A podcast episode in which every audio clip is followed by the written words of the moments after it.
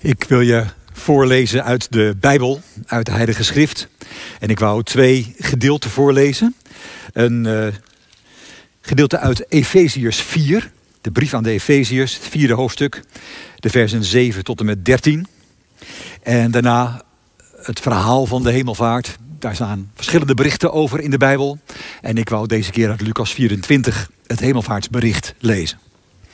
Efeziërs 4 vanaf vers 7. Aan ieder van ons is genade geschonken. Naar de maat waarmee Christus geeft. Daarom staat er, toen hij omsteeg, opsteeg naar omhoog, voerde hij gevangenen mee en schonk hij gaven aan de mensen. Hij steeg op. Wat betekent dat anders dan dat hij ook is afgedaald naar wat lager ligt, naar de aarde? Hij die is afgedaald, is dezelfde als hij die opsteeg tot boven de hemelsferen om alles met zijn aanwezigheid te vullen. En hij is het die apostelen heeft aangesteld en profeten, evangelieverkondigers, herders en leraren, om de heiligen toe te rusten voor het werk in zijn dienst. En zo wordt het lichaam van Christus opgebouwd totdat wij allen samen door ons geloof en door onze kennis van de Zoon van God een eenheid vormen, de eenheid van de volmaakte mens, van de tot volle wasdom gekomen volheid van Christus. Nou, dat is een, een, een enorme tekst. Ik wou zeker ook die zin ook ehm, even centraal stellen. Het komt allemaal aan de orde hoor. Maar om alles met zijn aanwezigheid te vullen. Het andere gedeelte is uit Lucas 24. Dat zijn de laatste versen van het evangelie. Hiermee besluit het evangelie. En daarin schrijft Lucas het volgende.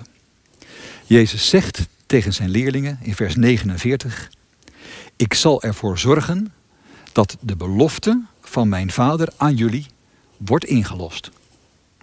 Blijf in de stad tot jullie met kracht uit de hemel zijn bekleed.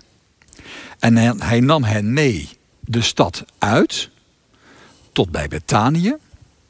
Daar hief hij zijn handen op en hij zegende hen. En terwijl hij hen zegende, ging hij van hen heen en werd opgenomen in de hemel.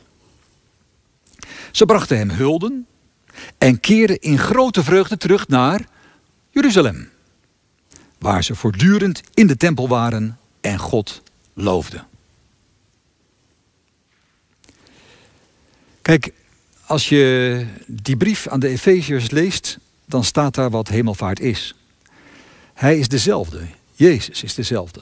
Degene die op aarde is neergedaald, is dezelfde ook die ten hemel is opgestegen om alles met zijn aanwezigheid te vullen. Hij vult alles met zijn aanwezigheid. En dat is hemelvaart. Dat waar je ook bent, of je leeft of sterft, of je op de toppunten van het geluk in je leven je bevindt, of in de dieptepunten in de ellende. Alles is gevuld met zijn aanwezigheid. En als je het zo ziet, dan zitten daar zeker vragen aan vast en daar kom ik zo op terug. Maar dan kun je ook begrijpen waarom die leerlingen reageerden zoals ze reageerden. Want je zou zeggen, ze hebben met Jezus opgetrokken. Ook na zijn opstanding hebben ze met hem een tijd doorgebracht. Dat heeft hen vreugde gegeven.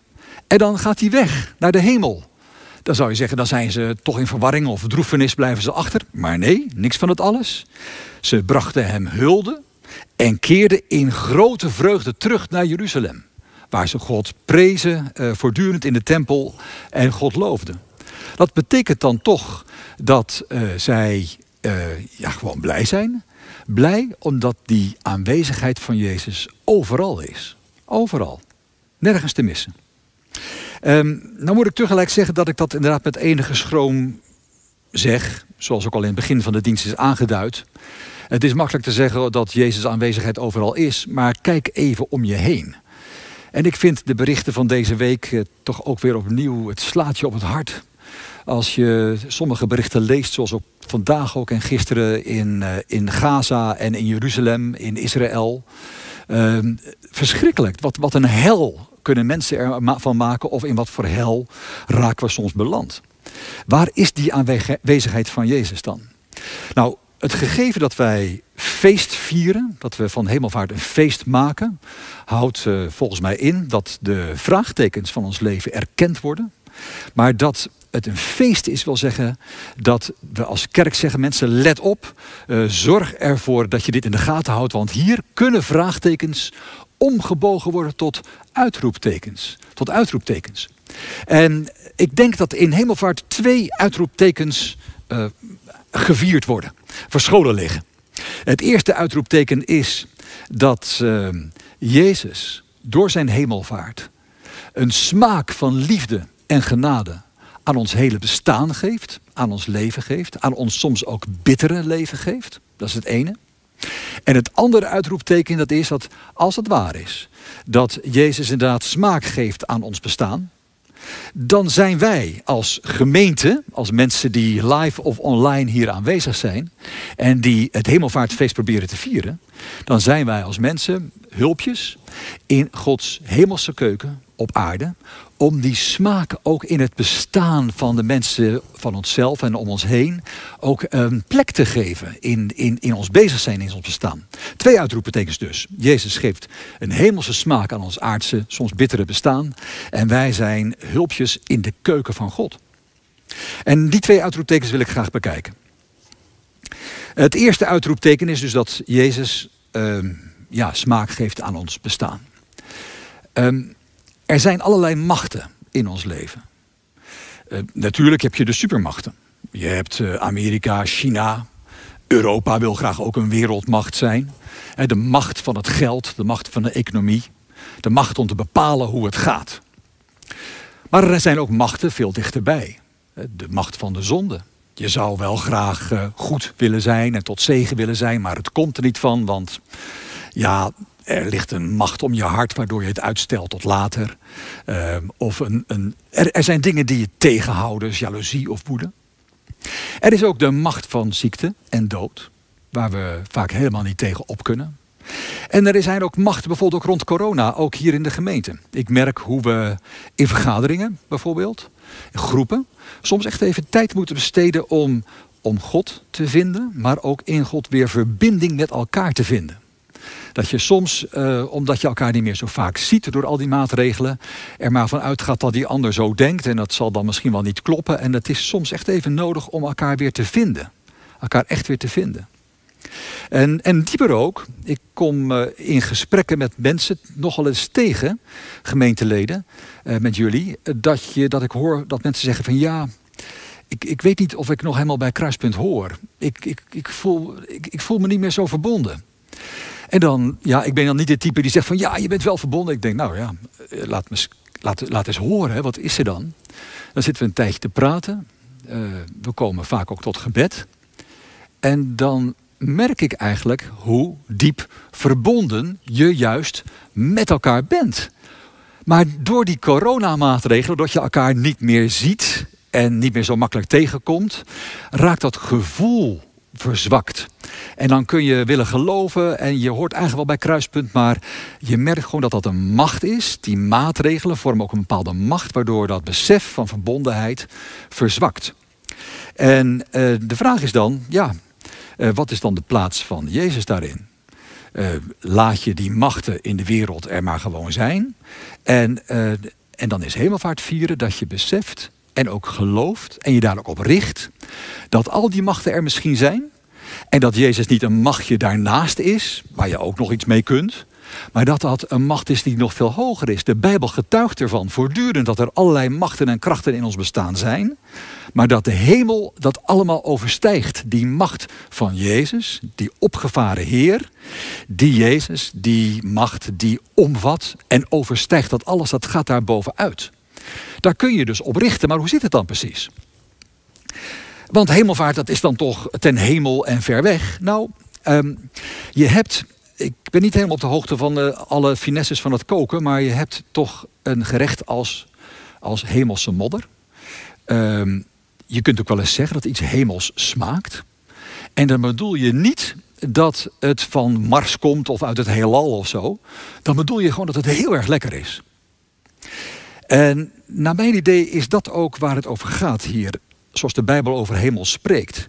De hemel is niet een, ander, een andere plek, iets wat ergens ver van ons vandaan is, weg. Nee, de hemel is iets wat door ons aardse bestaan heen leeft, een macht van God, die ons hele aardse bestaan doortrekt en er iets hemels van maakt. Alsof het iets, iets heel bijzonders is, die smaak geeft. Daarom ook mijn bewering dat juist hemelvaart vieren is dat je viert dat Jezus een hemelse smaak geeft aan ons soms bittere aardse bestaan. Ik uh, was laatst in een auto. En, en misschien lachen jullie me uit omdat jullie zelf zo'n auto hebben. Ik heb hem niet, maar ik zag het en ik denk van hé, hey, dat is interessant. Uh, je hebt de vooruit. En dan werd de navigatie op de vooruit geprojecteerd. Dan zie je dus, uh, soms zeggen, er komt een rotonde aan. Dat zie je door die vooruit één natuurlijk.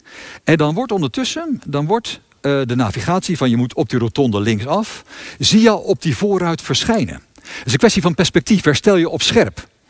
En volgens mij is dat goed te ver, een, een, een, een, vergelijking om aarde en hemel te zien. Het is een kwestie van perspectief. Waar kijk je, waar stel je op scherp? Kijk je naar die aardse werkelijkheid, natuurlijk. Daar moet je ook op koersen, daar moet je je weg in vinden. Maar daarin is het ook mogelijk om scherp te stellen op de hemelse navigatie, de hemelse smaak, de macht van Jezus als hemelse Heer, die ons de weg wijst over de rotondes en kruispunten van het bestaan. En uh, daar, dat is dan de vraag van, koers je daar ook op? Is dat inderdaad de koers die je volgt? Is het perspectief wat daarin ligt, is dat ook inderdaad het perspectief wat je wil, wil volgen? En uh, dat uh, diezelfde Jezus, die uh, is nedergedaald op aarde, die is gestorven om onze zonden, die is opgewekt om onze rechtvaardiging. Diezelfde Jezus is ten hemel gevaren, niet om weg te zijn, maar om ons juist in het aardse bestaan, de weg van de hemel en het koersen op die hemelse macht en daarop vertrouwen en daar ook verheugd in zijn, om ons daarin voor te gaan. Diezelfde Jezus. En dan is het een belofte dat Hij van de ergste momenten van ons leven soms juist het beste kan maken.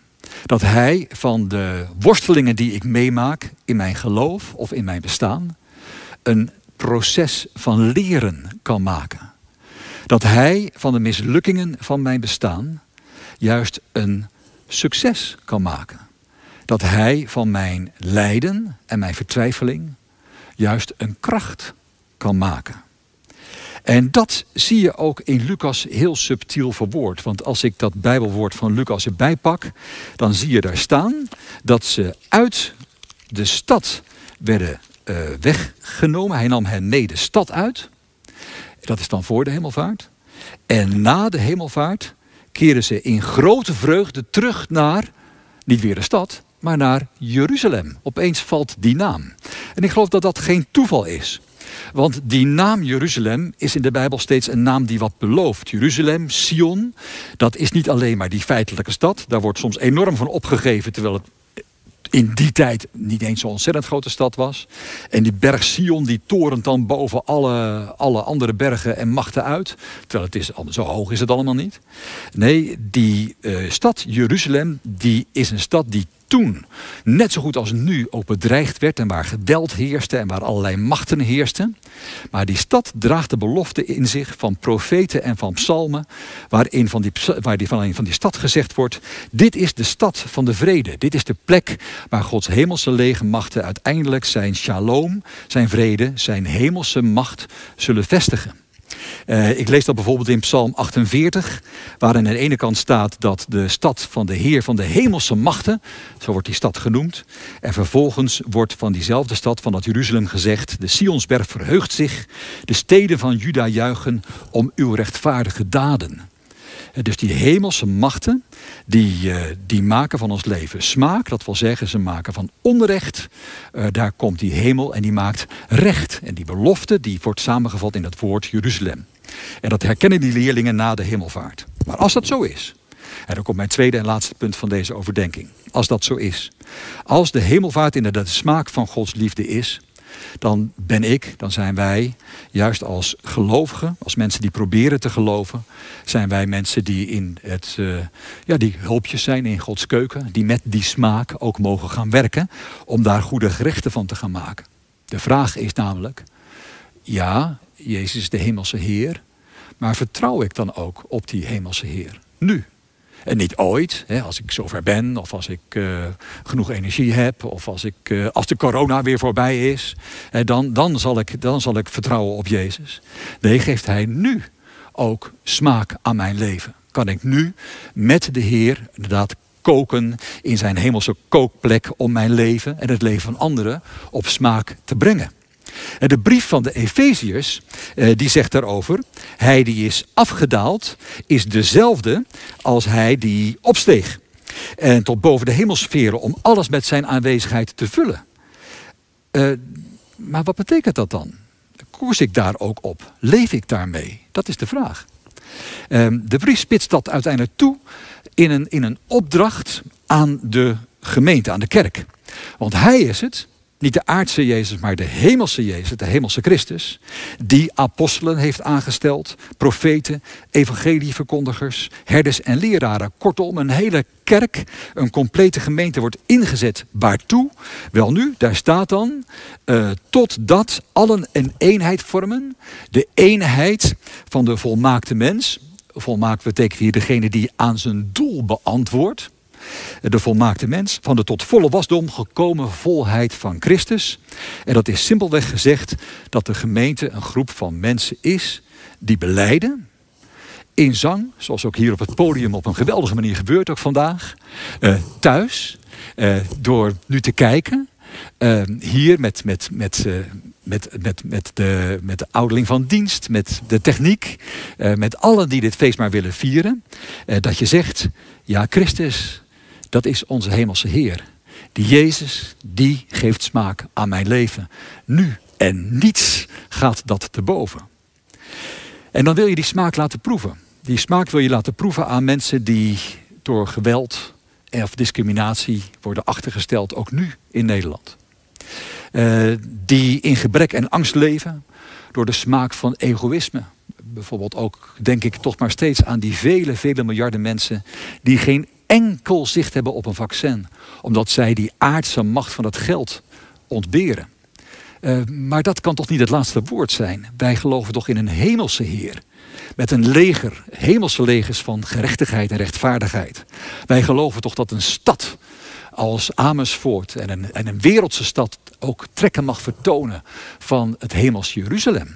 Dat is ons geloof.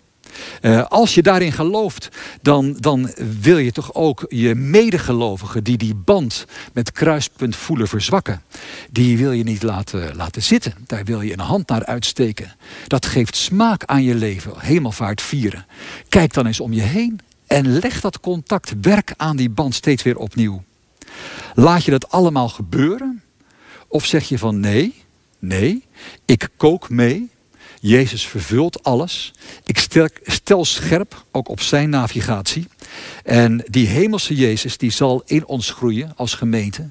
Daarvoor heeft hij apostelen, leraren, uh, profeten, alles aangesteld. Totdat deze gemeente, deze woonwijk waar deze kerk staat, of de woonwijk waar je woont, totdat deze stad waarin wij ons bevinden, inderdaad zich mag noemen Jeruzalem. Stad waar profeten naar uitkijken tot op de dag van vandaag. Plek van hemels recht en vrede in een wereld vol van hel. En zo vieren we hemelvaart. Uh, boven de gruwelen van deze tijd. Boven mensen en machten. Wat mensen al niet elkaar aandoen of zeggen.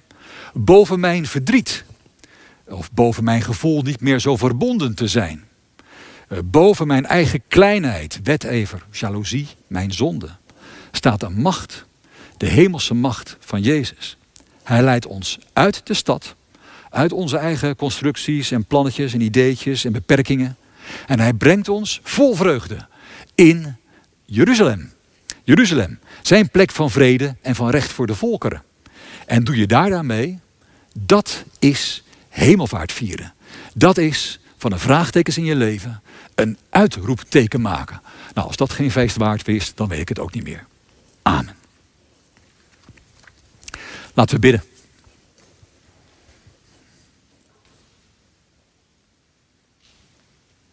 Heere God, we danken u. We danken u dat er muziek is. We danken u dat er, dat er een kerk is waar mensen zich verantwoordelijk voor voelen om er iets heel goeds en innigs van te maken. We danken u voor de techniek die er is om het mogelijk te maken dat we met elkaar verbonden zijn, ook nu. Heer, wij danken u ervoor, niet omdat dat allemaal zo geweldig is, het is het, maar het is geweldig, Heer, omdat u het vult met uw hemelse macht. Wij danken u dat we vandaag feest mogen vieren. Dat we tegen de gruwelen, tegen de twijfel, tegen onze eigen beperktheid in mogen vertrouwen dat u van onze beperktheid juist ook kracht maakt. Een leerroute, een navigatie om uw hemelse werkelijkheid te mogen proeven, delen en vieren. Heer, maak vandaag een feestdag voor ons, voor ieder van ons, hoe wij er ook aan toe zijn, of we in een hoogtepunt of in een dieptepunt van ons leven bevinden, raak ons aan en inspireer ons, Heer, door uw aanwezigheid. Jezus, wij danken u dat u ten hemel bent gevaren en dat u zo dicht bij ons bent. Kom met uw hemelse macht over ons en regeer deze wereld. Amen.